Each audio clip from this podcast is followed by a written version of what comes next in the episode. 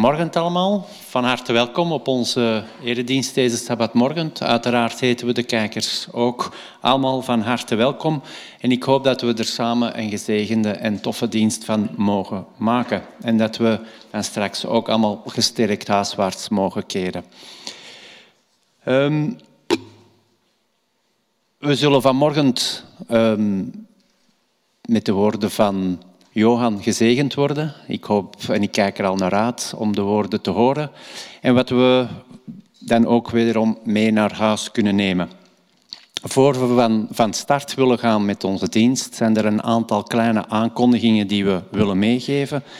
De vonkjes en de verkenners hebben van de middag uh, vergadering en dat vanaf 14 uur. Ook de compagnons komen deze avond samen. Wil je daar meer van weten, dan kan ik alleen maar zeggen richten jullie tot uh, een van de leiding van de compagnons. En, want ze gaan vanavond een aantal dingen doen in het stad, dat wij zeggen. Dus dat betekent het centrum van Antwerpen. Volgende week bent u allemaal van harte uitgenodigd op onze kerstmarkt, die van start zal gaan om zes uur, smiddags uiteraard. Um, het is onze jeugd die dat organiseert, dat weet u. En wij hebben dat al een aantal keer gedaan. En het is natuurlijk een hele leuke moment om dat samen te beleven. Um, het geld dat wordt opgehaald zal integraal naar ADRA gaan. Uiteraard gaan we niet alleen komen naar hier voor het goede doel, maar ook om gezellig samen in de kerstsfeer te komen en om gezellig met elkaar te kunnen keuvelen en praten en lekkers eten. Dus jullie zijn allemaal van harte uitgenodigd vanaf zes uur hier voor de kerstmarkt. Het is ook een moment uiteraard om eventueel eens buren, kennissen, collega's uit te nodigen, want het is enorm laagdrempelig. Het is gewoon hier in het kerkgebouw um, met tafels en lekker drinken en lekkernijen. Um, twee weken later, op 31 december, de laatste dag van het jaar, hebben we hier eh, een doopdienst. Dat is niet alle jaars of alledaags, om het zo te zeggen. Effectief de laatste dag van het jaar. Het is Dimitri Kools, mijn zoon, die zal gedoopt worden. En zoals hij gekozen heeft om het oude achter zich te laten en aan het nieuwe te beginnen, Daarom is het misschien wel goed om dat op 31 december te doen, want we laten op die moment het oude achter ons en we gaan het nieuwe jaar in die avond. Dan heb ik een nog minder goed nieuws. Um, een aantal leden onder ons kennen nog de familie Garrido, die jaren geleden bij ons in de kerk heeft gekerkt of naar dienst gekomen. Het was een familie met heel veel kinderen, heel toffe en aangename mensen. Die familie heeft zich een beetje verspreid over Europa eh, en zelf Amerika. Nu, de oudste onder hen, dat is Lalo Garrido, ehm, heeft ehm, een paar weken geleden te horen gekregen dat hij kanker heeft. En hij woonde in Engeland op die moment. Hij was in augustus nog net getrouwd. Ik moet even piepen. Met Katja. Dus um, hij is 52 jaar oud. Um, maar het is vrij snel gegaan en hij zou ook dit weekend overgebracht worden naar palliatieve. Want intussen is hij van Engeland naar België gekomen om hier inderdaad verzorgd te worden. Um, het zal niet lang meer duren, helaas. Maar de familie heeft wel gevraagd om toch nog voor hem te bidden. En hem ook toch bij te staan, al is het maar in gedachten. Vorige week zijn we nog bij hem geweest. Dan lag hij al in het ziekenhuis en heeft hij ook gevraagd om een zalving. En die heeft hij ook gekregen. Mm, ik moet zeggen dat hij heel rustig was en dat hij er in principe ook klaar mee was. Klaar in de zin van hij was klaar om inderdaad afscheid te nemen van het leven hier op aarde. Um, het was ook een heel emotioneel moment met de familie bij, want iedereen van die familie was er. En ik moet zeggen dat het een getuigenis was van de familie zelf, dat die zo aan elkaar gingen en ook een enorme steun waren voor Lalo op deze moeilijke momenten. Uiteraard ook voor de ouders is dat ook niet al te gemakkelijk. Dus ik zou willen vragen om voor die familie te bidden, om voor Lalo zelf te bidden, dat hij deze periode ook nog goed mag doorstaan. Ik ben aan het einde gekomen van de aankondigingen. Ehm, en dan zou ik nu van start willen gaan met onze dienst. En dat wil ik doen met de woorden uit Psalm 106. Loof de Heere, want Hij is goed. Eeuwig duurt zijn trouw. Wie kan zijn machtige daden verwoorden? Wie de roem van de Heer laat klinken. Gelukkig wie zich houden aan het recht en doen wat rechtvaardig is, telkens weer. Denk aan mij, Heer, uit liefde voor uw volk. Zie naar mij om wanneer u komt, redden. Dan zal ik uw uitverkorene gelukkig zien, vreugde vinden in het vreugde van uw volk, vervuld zijn van trots op uw liefste bezit. Ik zou nu willen vragen om recht te staan, zodat we van start kunnen gaan met onze dienst en dat in gebed. Onze Vader in de hemel, Here, we komen deze Sabbatmorgen tot U om U te danken voor de fijne momenten van deze week. We danken U ook voor deze Sabbatdag, waar we even al onze zorgen opzij kunnen zetten. Waar we tijd kunnen maken om U te eren en U te loven in gebed en in lofprijzing, Heer. En we zijn u ook dankbaar dat we hier in alle rust en vrijheid uw woord kunnen lezen en bestuderen en eruit leren, Heer. We zien op het ogenblik ook al uit naar de woorden die Johan tot ons zal richten. Laten het woorden zijn, Heer, die door u geïnspireerd mogen worden en die ons mogen raken en ons mogen opladen voor de week die voor ons ligt. Laten we in de week ook deze woorden die we nu mogen horen doorgeven aan anderen.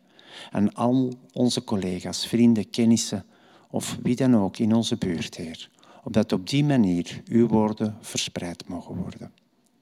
Heer, we willen u ook vragen om bij diegenen te zijn die ziek zijn of die te oud zijn om naar hier te komen.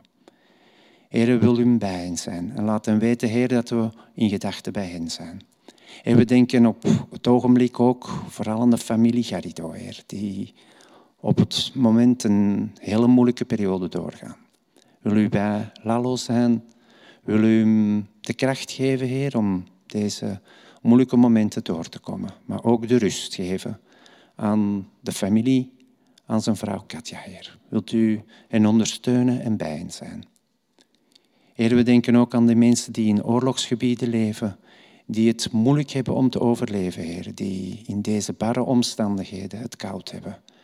Wilt u hen bijstaan en wilt u mee naar oplossingen zoeken, Heer, opdat het daar in de toekomst beter mag worden.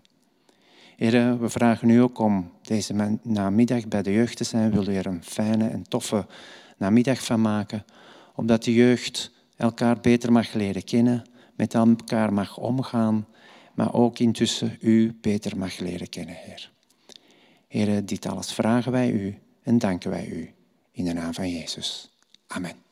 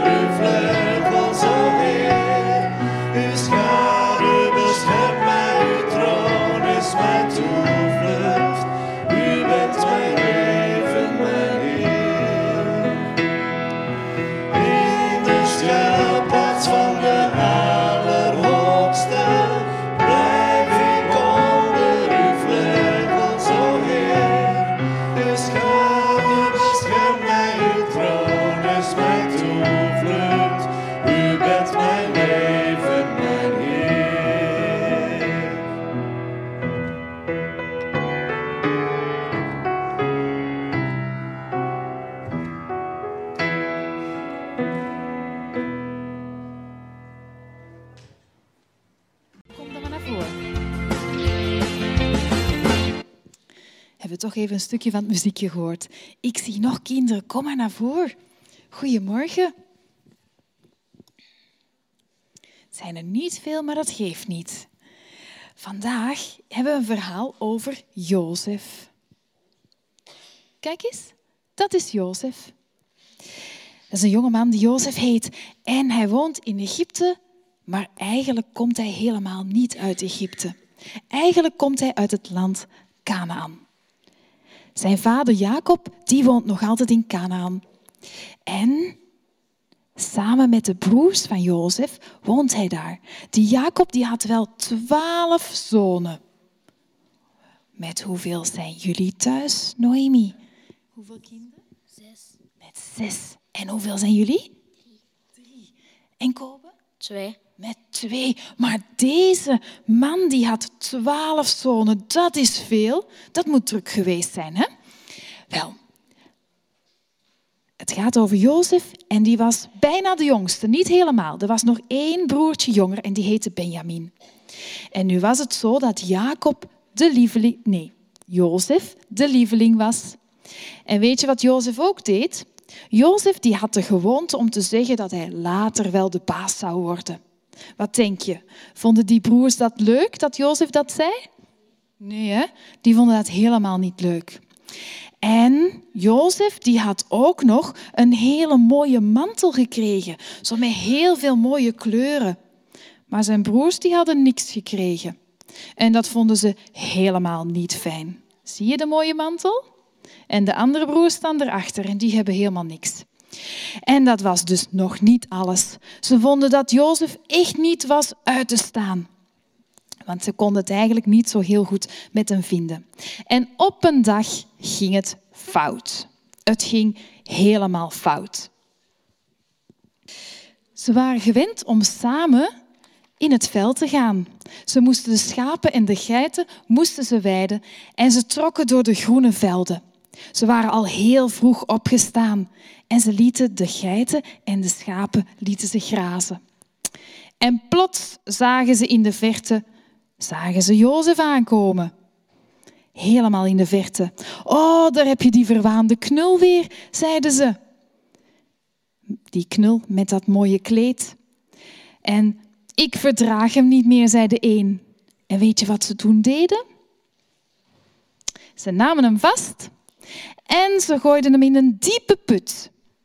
En ze waren eigenlijk van plan om daar achter te laten. Maar toen kwam er een karavaan voorbij. En die karavaan die bestond uit kooplui met ezels en kamelen. En toen dachten de broers, oh, we hebben een veel beter idee. Weet je wat? We gaan Jozef verkopen, want zo hebben we dan toch ook nog wel wat centjes en dan zijn we van hem af. En die mensen van de karavaan, die kooplui, weet je waar die Jozef mee naartoe namen? Naar Egypte. Heel ver weg van waar hij geboren was. En Egypte was een heel, heel groot en rijk land met paleizen en met piramides. Je zou denken dat Jozef dat wel leuk vond, maar hij vond het eigenlijk niet zo leuk, want hij was als slaaf verkocht. Hij moest werken voor een nieuwe baas, voor Potifar. Eigenlijk was dat de commandant van de farao, van de lijfwacht van de farao. Dat was Potifar. Maar na een tijdje veranderde het wel, want Jozef die was zo goed in wat hij deed, in het werk dat hij moest doen voor Potifar, dat hij hem steeds en steeds meer vertrouwde. Dus Potifar dacht, oh, dat is wel een goede werker voor mij. Ik vertrouw die Jozef wel. En uiteindelijk stelde hij Jozef als overste van zijn huis aan. Maar toch zou het niet, zoveel, niet zo lang duren, want de vrouw van Potifar die vroeg iets aan Jozef.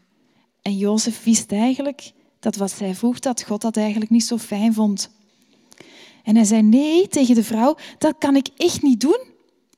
De vrouw werd heel boos, heel, heel boos. En ze vertelde het aan haar man Potifar en die zorgde ervoor dat Jozef in de gevangenis moest. En daar zat hij dan. Hij had helemaal niets verkeerd gedaan. Niets. En toch zat hij in de gevangenis. En weet je hoe dat kwam? Dat was allemaal begonnen met zijn broers die hem in de put hadden gegooid. Daar was dat begonnen. Maar zelfs in de gevangenis bleef Jozef God trouw en hij maakte nieuwe vrienden. En uiteindelijk kon hij weer vrijkomen. Het was zelfs zo dat Jozef de enige was die allemaal problemen kon oplossen. Hij kon problemen oplossen voor de farao en de farao die benoemde hem tot onderkoning. En Jozef mocht zelfs in het paleis wonen. Wauw, wat was dat een eer? Hij, de Jozef, als onderkoning. En hij trouwde met de dochter van Potifar. Ze kregen twee kinderen. Wie was er ook alweer met tweeën thuis? Kobe, jullie waren met twee thuis. Hè? Wel, Jozef had ook twee zonen, Manasse en Ephraim. Zo heten ze. En nu moet je weten, Manasse, dat betekent iets. Manasse betekent vergeten. Nu, ik ben thuis eens even gaan kijken. Weten jullie wat je naam betekent? Ik ben het eens gaan opzoeken. Linda, jouw naam betekent mooi. Ja, mooi. En Noemi, weet je wat jouw naam betekent? Liefelijk. Mooi, hè? Ja, ik heb er nog een paar. Ik heb ze niet allemaal gevonden. Liam, koning. Koning, ja. En Kobe, de overwinnaar. Ja, en van de anderen ga ik het eens opzoeken. Hè, want jullie namen betekenen allemaal wel iets moois. En dus, ja, Manasse, dat betekent vergeten. Want Jozef, die wilde alle ellende die hem was aangedaan, wilde hij vergeten. En zeker met de broers die hem zo kwaad hadden aangedaan. En dat gebeurde ook. Alhoewel, hij was het vergeten en toch. God is heel verdrietig wanneer mensen ruzie hebben en elkaar kwaad doen en boos blijven. En toen kwam er in Canaan, wie woonde er in Canaan? Ja? Ja, de twaalf broers en de papa van Jozef. Hè? En daar was een hongersnood. En er was geen graan meer om brood te maken. Alleen in Egypte was er nog graan. Daar gingen ze graan kopen. Want Jozef die was zo slim geweest om alle graanschuren helemaal vol te maken. En zo gebeurde dat de zonen van Jacob, die gingen naar Egypte, maar zij wisten niet dat Jozef daar zou zijn. Zij gingen om graan te kopen en ze herkenden Jozef niet eens. Oh nee, want Jozef, wat was die? Die was? Die was onderkoning geworden. Ja, maar Jozef die herkende zijn broers wel. En nu kwamen alle nare herinneringen weer naar boven. Hij moest weer denken aan toen hij in de put was gegooid. En wat kon hij nu doen? Hij was onderkoning. Hij kon ze eigenlijk best wel straffen. Maar Jozef deed dat niet. Nee, hij wist dat God liever had dat mensen elkaar vergeven, zodat ze weer samen vrienden kunnen zijn en verder kunnen gaan. Mooi hè? Kunnen wij proberen ook elkaar te geven, vergeven als iemand iets slechts tegen ons doet? Het, eindigt, het verhaal eindigt heel mooi. Jozef is onderkoning en hij vertelt het aan zijn broers. Kijk, ik ben het, jullie broer. Laten we vergeten wat er fout was. En zoals vrienden gaan de broers weer verder. Ze omhelzen elkaar. En ook de vader die wordt naar Egypte gebracht. En ze zijn allemaal heel gelukkig dat ze elkaar weer hebben gevonden. Dat is mooi, hè? Goed, dan hebben we nog aansluitend ineens iets anders. We hebben al twee kaarsen branden. Het is dus tijd voor de derde. Dus de eerste kaars die was aangestoken door Linda en die ging over hoop. De tweede had Liam gedaan en die ging over het licht. En de derde gaat over liefde. En Kobe die heeft een mooi versje, een mooie tekst over de liefde. Want God had de wereld zo lief dat hij zijn eigen geboren zoon heeft gegeven, opdat iedereen die in hem gelooft niet verloren gaat, maar eeuwig leven heeft. Amen. Oké, dan mag je die aansteken. Vaststappen. Zo. Dankjewel, Kobe. En we wensen iedereen een fijne derde adventsweek. Aan de volwassenen in de zaal vraag ik om op te staan. Wij gaan samen zingen over familie.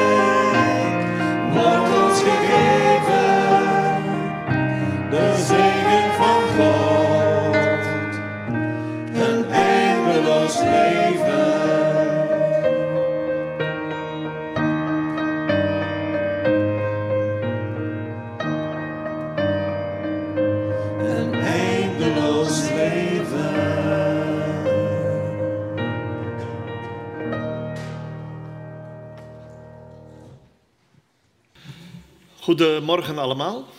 De schriftlezing van vanmorgen vinden we in Genesis 41 van de versen 50 tot en met 52. Genesis 41 van de versen 50 tot en met 52. Nog voordat de periode van hongersnood aanbrak, kreeg Jozef twee zonen bij. Asnat, de dochter van Potipera, de priester uit Heliopolis. De oudste noemde hij Manasse, omdat God hem al zijn ellende en het gemis van zijn familie had doen vergeten. Het tweede kind noemde hij Ephraim, want, zei hij, God heeft mij vruchtbaar gemaakt in dit land waar ik zoveel te verduren heb gehad. De tweede lezing vinden we in hetzelfde boek Genesis, hoofdstuk 48. En daar lees ik voor u de versen 8 tot en met 14 en daaraan sluitend het versje 20. Toen viel Israëls oog op Jozefs zonen en hij vroeg, wie zijn dat? Jozef antwoordde zijn vader, dat zijn mijn zonen, die God mij hier gegeven heeft. Laat ze toch dichterbij komen, zei Israël. Dan zal ik hen zegenen. Doordat Israël al oud was, waren zijn ogen dof geworden. Hij kon niet goed meer zien. Toen Jozef zijn zonen dichter naar hem toe had gebracht, kuste en omhelsde Israël hen. Ik had niet gedacht dat ik jou ooit nog zou terugzien, zei hij tegen Jozef. Maar God heeft mij zelfs je nakomelingen laten zien. Jozef liet zijn zonen, die tegen Israëls knieën stonden, wat opzij gaan en boog zich diep voor hem neer. Daarna bracht hij hen beiden weer dicht bij zijn vader. Aan zijn rechterhand had hij Ephraim, die hij links van Israël plaatste, en aan zijn linkerhand had hij Manasse, die hij rechts van hem plaatste. Maar Israël kruiste zijn handen. Zijn rechterhand legde hij op het hoofd van Ephraim, hoewel, hij, hoewel die de jongste was, en zijn linkerhand legde hij op het hoofd van Manasse, hoewel die de oudste was. Zo zegende hij hen die dag met de woorden: Jullie naam zal worden genoemd in de zegenwensen van de Israëlieten. Ze zullen zeggen: Mogen God u maken als Ephraim en Manasse. Tot daar de lezing. Ook van mijn tweeën een hele goede morgen, welkom. Blij dat u er bent, ondanks de toch wel koude die, die we niet meer gewoon zijn. maar hier is het lekker warm. Is het niet door de chauffage, dan is het door de broeder- en zusterliefde, niet waar? Manasse en Ephraim. Wie zijn dat ook weer? Ja, nu weten jullie het weer. Hè? Maar het zou een goede quizvraag zijn. Manasse en Ephraim. Goeie quizvraag. Maar niet de belangrijkste vraag. Het belangrijkste is, wat hebben wij daarmee te maken? Wat heeft ons dat te zeggen als individu of misschien ook als kerkgemeenschap? Maar het gaat dus om iets uit het levensverhaal van Jozef. U kent hem wel, het vaderskindje, rot verwend, met zijn hippe jasje en al die kleuren. Uh, trots, verwaand.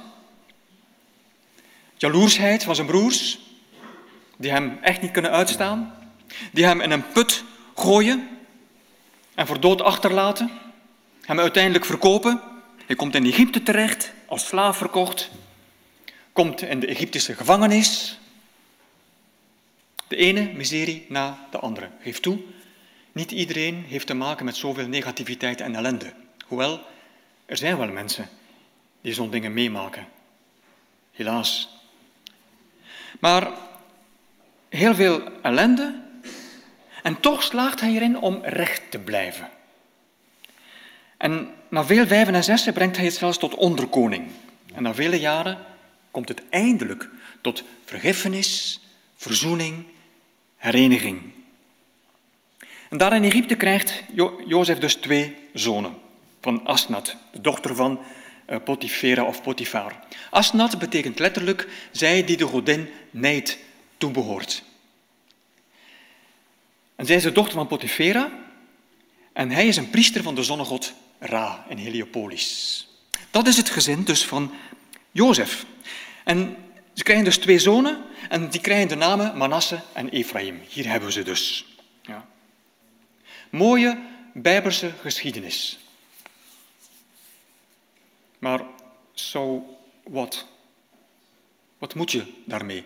Het is 3400 jaar geleden. Wat, wat moet je daar vandaag nog mee? Wel, misschien even tussen haakjes. Misschien moeten we een keertje onze historische of anekdotische of misschien zelfs leerstellige bril eens afzetten.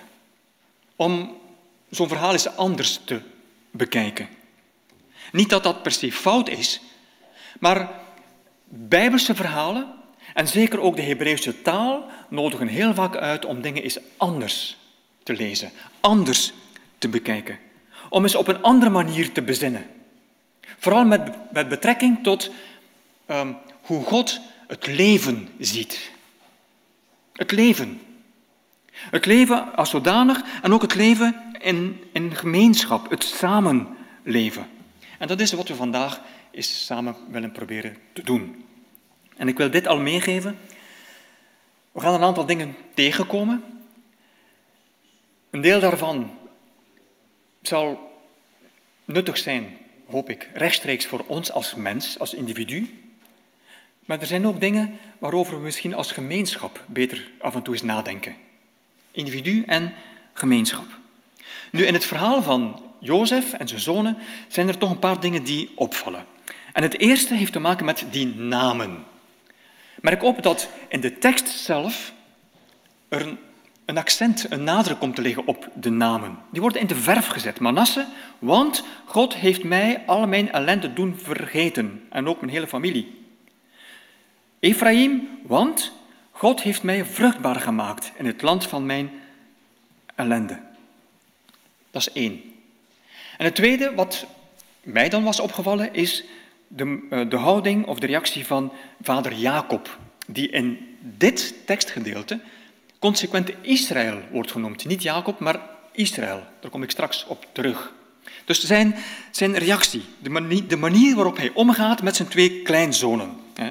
Um, Genesis 48, toen viel Israëls oog op Jozefs zonen. Hij vroeg, wie zijn dat? Normale vraag zou je kunnen zeggen, ik weet het niet. Ja. Want Jacob was op dat moment al zo'n 15 jaar in Egypte. Dus hij moet ze zeker gezien hebben. En toch, wie zijn dat? En dan dat heel specifiek iets. Wanneer hij zijn kleinzonen wil zegenen, moest hij normaal gezien zijn rechterhand op het hoofd van Manasse leggen, de oudste, en zijn linkerhand op het hoofd van Ephraim. En wat doet hij? Jozef zal zeggen, fout vader, fout, het is niet juist, dat is de oudste. En hij antwoordt, ik weet het mijn zoon, ik weet het. Intrigerend, vindt u niet? Kunnen we daar iets uit leren? Ik zou zeggen, laten we eens kijken of het ons iets te zeggen heeft. En ik moet eerst terug een opmerking maken, namelijk dit. Het zou kunnen dat een aantal dingen die naar voren komen makkelijker gezegd zijn dan toegepast. Makkelijker gezegd dan gedaan. Dat zou best wel kunnen. Maar daarom is het misschien niet minder belangrijk. Zullen we het eens proberen? Laten we beginnen bij die namen. What's in a name? Manasse. Komt van het werkwoord nasha, vergeten. En dat is makkelijk te begrijpen. Er was zoveel dat Jozef maar beter kon vergeten. Wat hij absoluut wilde vergeten. Het verraad van zijn broers. Daar in die ellendige diepe put. De slavernij, de gevangenis, de pijn. Dat zielenleed. De gevoelens van wrok. Jacob wil, um, Jozef wil de bladzijde omslaan. Hij wil dingen achterlaten. Hij wil opnieuw beginnen. Bent u nooit in situaties geweest waar u dacht van kon ik nu maar echt de bladzijde omslaan en dingen loslaten en dingen achterlaten? Nu, enige tijd later wordt Ephraim geboren. De naam komt van het Hebreeuwse Efrat. Kennen wij uit de naam Ephrata, Bethlehem Ephrata. Komt van het werkwoord para, betekent vruchtbaar zijn, vrucht dragen. Heel positief. Aan de ene kant vergeten en nu vrucht dragen. Je hebt de indruk dat Jozef eindelijk inderdaad die bladzijde kan omslaan en vooruit kan kijken. Terug vertrouwen heeft en hoop heeft en een goede toekomst. Eerst vergeten wat achter je ligt. Loslaten om vervolgens vooruit te kunnen gaan. En dan begrijp je dat chronologisch Manasse, de oudste, voor Ephraim komt. Eerst proberen los te laten, bladzijde omslaan en vooruitkijken naar een nieuwe, goede toekomst. Kunnen vergeten. Maar de vraag is of vergeten, loslaten, of dat volstaat. Is dat wel genoeg? Een bladzijde omslaan, zeer zeker. Maar dan komt de volgende stap werken aan iets nieuws. Iets nieuws opbouwen. Werken aan een mooie toekomst. Weet u, Paulus heeft het daar ook over. Hij schreef aan zijn vrienden te Filippi: Vrienden, ik beeld me niet in dat ik het doel al heb bereikt. Maar één ding is zeker: ik vergeet wat achter me ligt en ik richt mij op wat voor me ligt. Vergeten en loslaten. Nu, Vergeten heeft te maken met herinneringen. Er zijn goede herinneringen, mag ik hopen. Goede herinneringen. En die kun je, die mag je, die moet je koesteren. Absoluut. Maar ze kunnen er ook voor zorgen dat iemand blijft dromen in een verleden. En dat men het verleden gaat idealiseren. Ah, vroeger. En dat men in dat verleden blijft hangen. En dan blijf je stilstaan. Dan ga je niet meer vooruit. En uiteindelijk moet je wel vooruit met de realiteit van vandaag. Of die nu beter is of slechter dan gisteren. Dat is de realiteit van vandaag. En dan moet je daarmee door. En dat geldt voor mensen als individuen. En dat geldt ook voor groepen van mensen. Zoals een kerk, zoals wij hier zitten. Nu, goede herinneringen. Nare herinneringen of slechte herinneringen kunnen je opsluiten in rancune, in donkerheid, rancune. Het kan iemand beletten om positief in het leven te staan. Het kan iemand beletten om positieve relaties aan te gaan. En positief vooruit te gaan. Weet je, wanneer we dan bijbelse taal gebruiken, vergeten is eigenlijk een vorm van vergiffenis. Het basiswoord vergiffenis, of vergeven in de Bijbel, is loslaten. Dingen loslaten. Ontgoochelingen, fouten, falen, gemiste kansen, frustraties, boosheid, rancunes. Loslaten, achterlaten. En dat is eigenlijk wat, ehm, dus ook je eigen fouten achterlaten. En dat is wat God ook doet. Ja, een hele mooie tekst in Jezaja, waar Jezaja zegt, Heer, u hebt mijn zonden achter uw rug geworpen. Ja, zoals ik wel vaker zeg, en men, we zeggen wel dat God alles ziet, maar ik denk dat, dat we hier kunnen zeggen dat God geen ogen heeft op zijn rug. Achter de rug. En we laten het los. Ja. En misschien toch even erbij zeggen, het woordje zonden, bij ons is dat heel zwaar en, en heeft te maken met schuld. En, het Bijbelse basiswoord is uh, het doel missen. Dus eigenlijk falen, maar alles wat je uh, belet om, om je doel te bereiken. Als mens, als gelovige. Wordt is zonde. We kunnen achterlaten. En natuurlijk, beste mensen, moeten we niet naïef zijn. Je kunt niet zomaar alles vergeten. Tenzij, je, tenzij broeder Alzheimer op bezoek is geweest. Ja. Je kunt niet zomaar vergeten. Zo zitten onze hersenen niet in elkaar. Je kunt wel besluiten om er niet meer naar te kijken. Om het niet meer telkens op te rakelen. Je kunt het achter de rug gooien. Je kunt het besluit nemen om er niet te blijven aan vasthaken. Ervoor kiezen om er niet altijd weer aan te denken. Loslaten.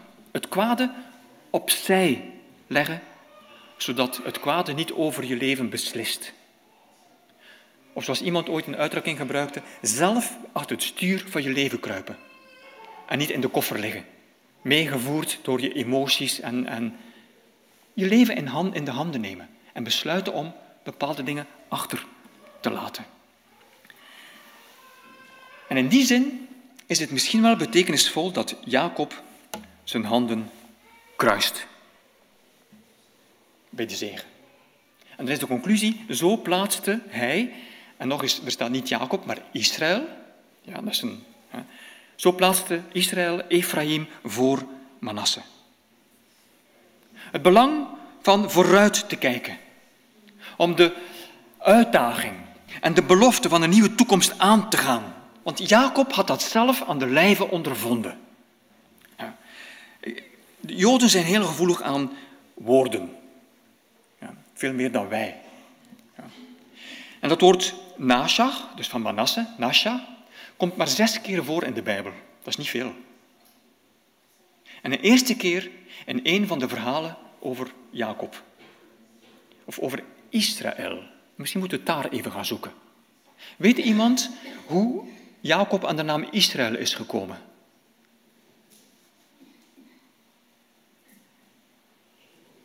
Bij welke gelegenheid? Ik zie mensen knikken, maar ik hoor niks.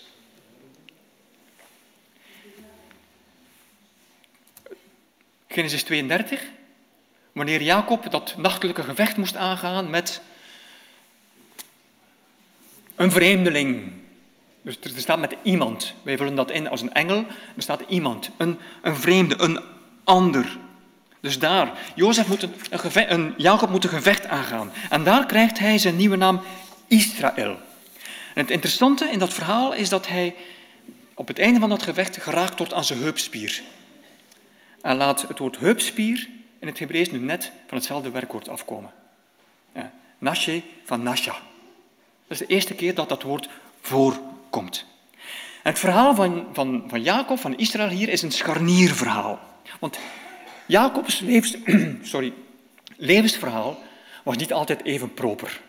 Hij bedriegt zijn, zijn, zijn broer, hij steelt de, de, ehm, de, de, vaderlijke zegen. Hij bedriegt zijn vader, hij moet vluchten.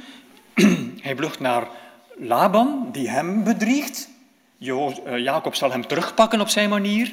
Jacob, als je zijn verhaal leest, dan zie je dat hij gemanipuleerd wordt door zijn vier vrouwen. Heel mooi verhaal, heel leuk om te lezen. Hoe hij gemanipuleerd wordt langs alle kanten. Ja. Ehm, en op het moment van dat gevecht, of net ervoor, is er de dreiging van Esau die eraan komt met een leger. Een scharniermoment. Jacob moest in het reine komen met zijn verleden. Met zijn eigen niet propere verleden om toekomst mogelijk te maken. Hij moest komaf maken met zijn fouten, met zijn falen. Met iedere keer dat hij het doel misliep. Hij moest komaf maken met de miserie die hem was aangedaan en die hij had veroorzaakt ook soms. Hij moest komaf gemaakt worden met die spanningen, met die ruzies. En Jacob zou erin slagen. Dat gevecht was voor hem een keerpunt. Ook al zou hij er iets aan overhouden. De tekst zegt dat hij vanaf dat moment mank liep. Maar hij zou wel gezegend worden. Hij zou gezegend worden. Met de zegen om weer verder te gaan. En hij zou verder kunnen. En dat wordt heel mooi geïllustreerd in de verzoening die hier onmiddellijk navolgt met zijn broer Esau. Mankend, maar gezegend en weer rechtop kunnen gaan om door te gaan. En tussen haakjes dat manklopen kan ook af en toe voordelen hebben. Kan af en toe voordelen hebben. Kan een positieve kant hebben. Loslaten of een ander vergeven wat hij mij heeft, eh, heeft misdaan, kan makkelijker zijn wanneer ik besef dat ik ook mank loop. En dat het ook niet altijd goed en juist is. Niemand is volmaakt. En als je beseft dat je zelf ook, dat ook niet bent, misschien dat je dan wat milder gaat worden naar anderen toe. Niemand is volmaakt, maar dat moet ons niet beletten om los te laten en vooruit te gaan. Hoe kun je bijvoorbeeld goede relaties opbouwen wanneer je lijstjes bijhoudt met alles wat de ander jou heeft aangedaan? Hoe, hoe kun je goede relaties aanknopen met die lijstjes? Of lijstjes van alles wat, waar je zelf in de mist bent gegaan. Kunnen achterlaten, kunnen, kunnen loslaten, vooruitgaan. Misschien wat mank, maar met Gods zegen. Vooruit gaan. Er is in de Joodse cultuur iets heel moois. Een Joodse sabbatzegen voor kinderen. En wordt de zegen van Manasse en Ephraim genoemd. En dat komt voort uit Genesis 48, vers 20. Zo zegende hij hen die dag met de woorden: Jullie naam zal worden genoemd in de zegenwensen van de Israëlieten. Ze zullen zeggen, en dat is dan de zegen, mogen God u maken als Ephraim en Manasse. En zo plaatste hij Ephraim voor Manasse. Er is een hedendaagse rabbijn, dat is een vrouwelijke rabbijn, interessant, die dat zo invult. Mocht je niet geobsedeerd zijn door het verleden, mocht je in staat zijn om te bestaan buiten je plaats van oorsprong. Ik denk bijvoorbeeld aan Oekraïners die gevlucht zijn naar hier. Mochten ze kunnen bestaan buiten die plaats van oorsprong. Mocht je weten dat er leven is ook na een tragedie. In het Engels noemen ze dat resilience, la résilience, veerkracht. Terug kunnen opstaan. Laat je verleden je niet verlammen. Laat het je niet beletten om vooruit te gaan, om te leven. Laat het je niet beletten om doelen te stellen in het leven. Of zoals Jezus heel vaak zegt tot mensen die verlamd waren, letterlijk of figuurlijk, sta op en wandel. Sta op en wandel. Ja. Misschien kan ik dat ene woord dat we al vaker hebben gezegd uit de bergreden, wat Jezus, ashre, recht je rug, sta op en vooruit. Komt uit de zaligsprekingen. Zalig, zalig, zalig is eigenlijk ashre. Vooruit, voorwaarts. Het verleden niet weggooien, dat hoeft niet. Maar wel een goede, juiste plaats geven. En de juiste plaats is achter je rug. Het, het verleden het juiste gewicht geven, zodat het geen last wordt. Onmakkelijk om vrucht te kunnen dragen. En is dat altijd even makkelijk? Absoluut niet. En jawel, soms is er ook professionele hulp nodig. En in dat geval is dat echt niet iets om beschaamd over te zijn. Echt niet. Vooruit kunnen gaan. Nu, dat vergeten. Hoe ver moet je daarin gaan? Alles zomaar uitwissen? Alles zomaar vergeten? Bij Jozef, de oudste zoon, noemde hij Manasse, want God heeft mij al mijn ellende doen vergeten en ook mijn hele familie. Dat hij zijn ellende wilde vergeten, oké. Zijn hele familie vergeten? Zijn broers? Hm, ja, ja, misschien wel. En zijn vader, die al die tijd ongerust was, denkend dat hij gestorven was? Al dat verdriet? Dus ergens begrijpelijk, maar is het ook goed? En laten we eerlijk zijn, iedereen heeft wel dingen uit het verleden. Heeft iedereen. De opvoeding, familiegeschiedenis, ja, de opvoeding, negatieve ervaringen, spanningen, misverstanden, eigen falen. Maar is het goed om je daarom ook af te snijden van je wortels? Lopen we dan niet het gevaar om ook de goede dingen, die er zeker zijn geweest, weg te gooien? En dat is weer typisch voor de Hebreeuwse taal. Hetzelfde woord nasha, wat vergeten betekent, betekent ook debiteur zijn. Iets te danken hebben aan iets of iemand. Iets te danken hebben aan.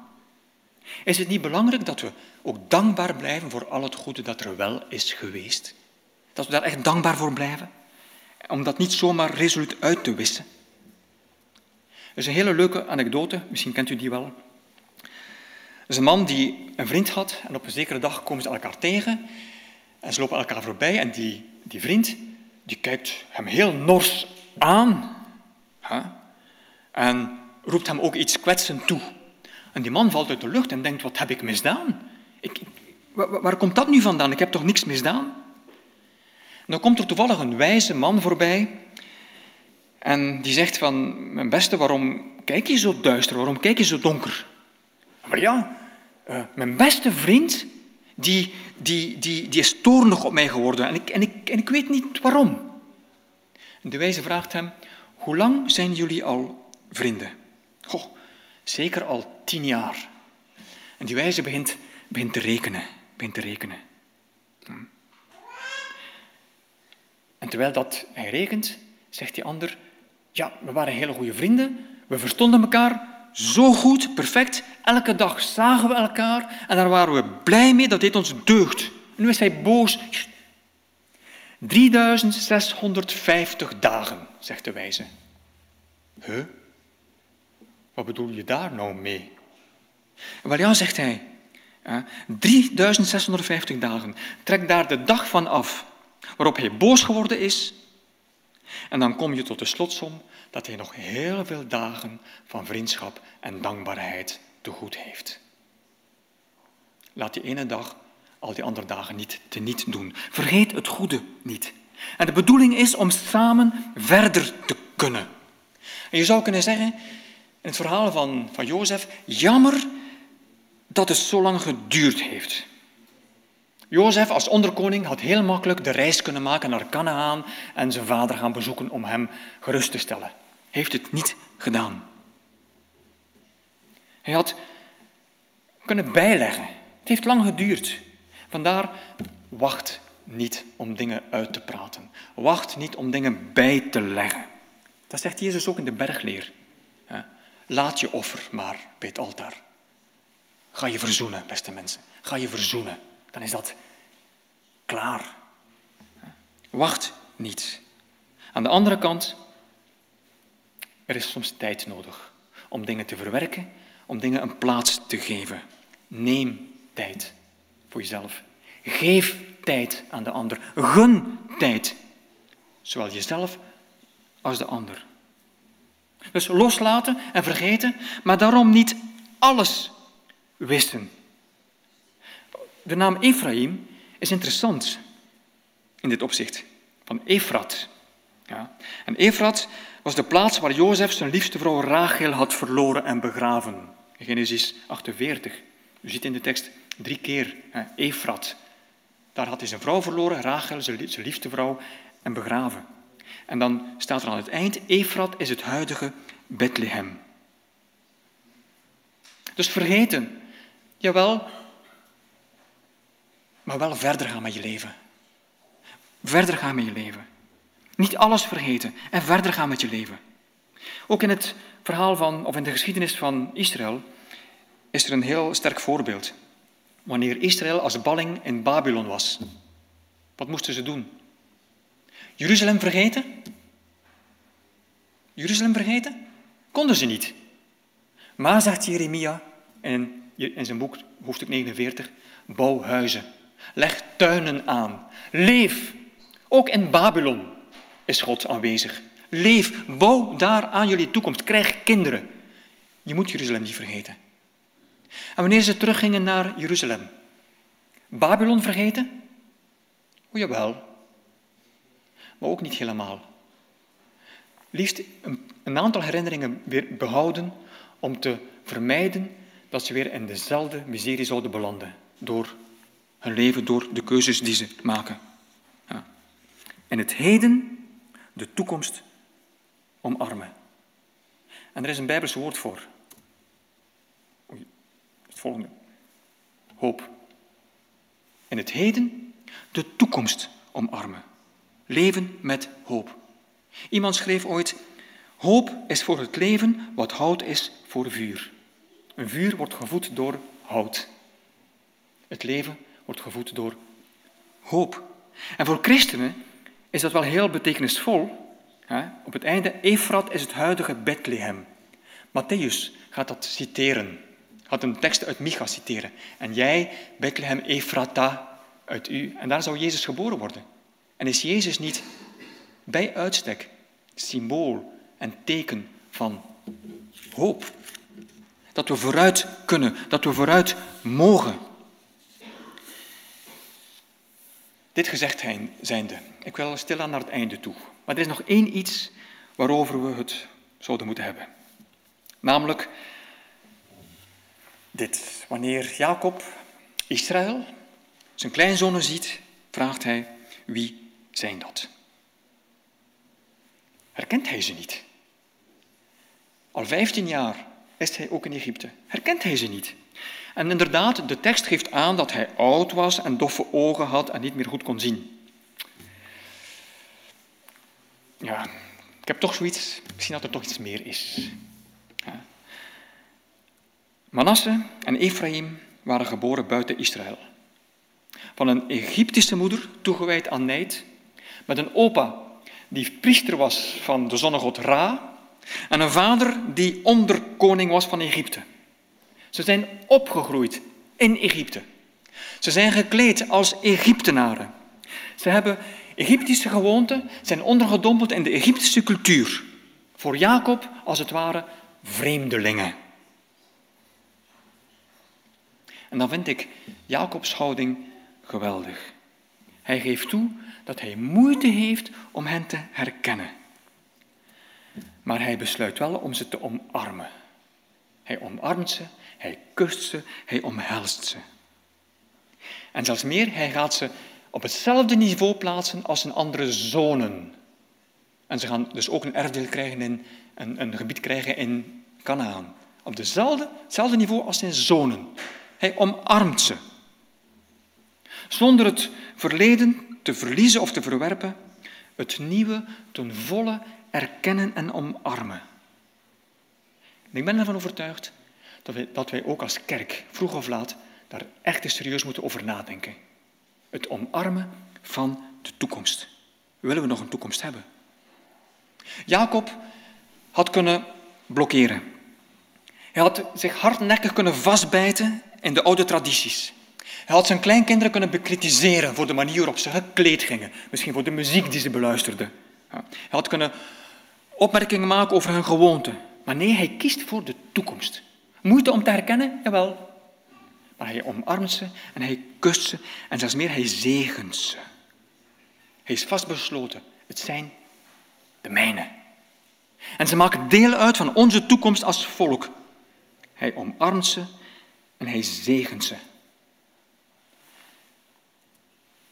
Onze jongeren en kinderen leven in een andere cultuur dan onze cultuur toen wij jong waren. Totaal anders.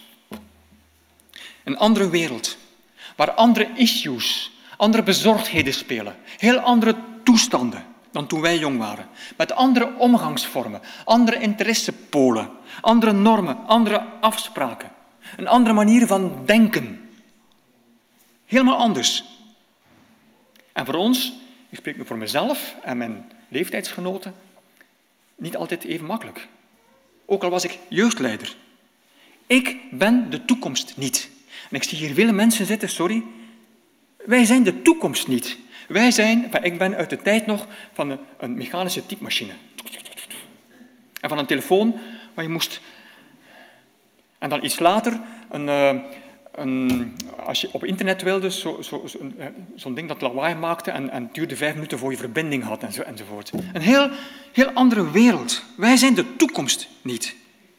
Lieve mensen, laten we onze jongeren, onze kinderen omarmen. Ik zou zeggen, laten we ze kussen. Ja, dat mag. Laten we ze vooral ook zegenen. Wetend dat zegenen niet zomaar woorden zijn, maar betekent letterlijk actief alle kansen geven. Ruimte scheppen. Alle liefde en kansen geven. Ook al herkennen we ons niet altijd in hen, in bepaalde tradities, in bepaalde gewoonten. Ook al lijkt het alsof, alsof sommige van onze tradities verloren gaan. Laten we hen zegenen. Weet dat zegenen meer is dan woorden, maar solidair, empathisch, actief engagement. Ephraim voor Manasse. De toekomst omarmen.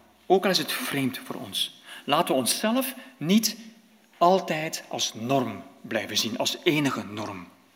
En laten we niet vergeten dat zelfs Jezus, die toch onze voorganger is, denk ik, hoop ik, dat hij en zijn generatie heel vreemd overkwam. Zeker voor de gezagsdragers.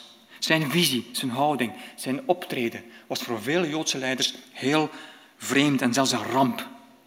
Maar voor de gewone mens een verademing, een verfrissing, bevrijdend, beloftevol. Nieuwe wijn in nieuwe zakken. Amen.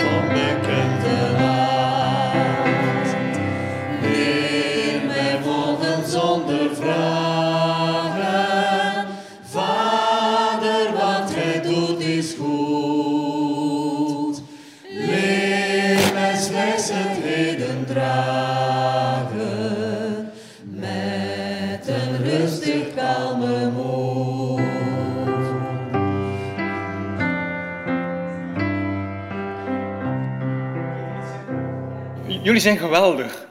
Want uiteindelijk de muziek, uh, het is eigenlijk een heel ander lied. Maar jullie zijn erin geslaagd om een heel andere tekst te zingen op de goed. Dus jullie zijn muzikaal geweldig.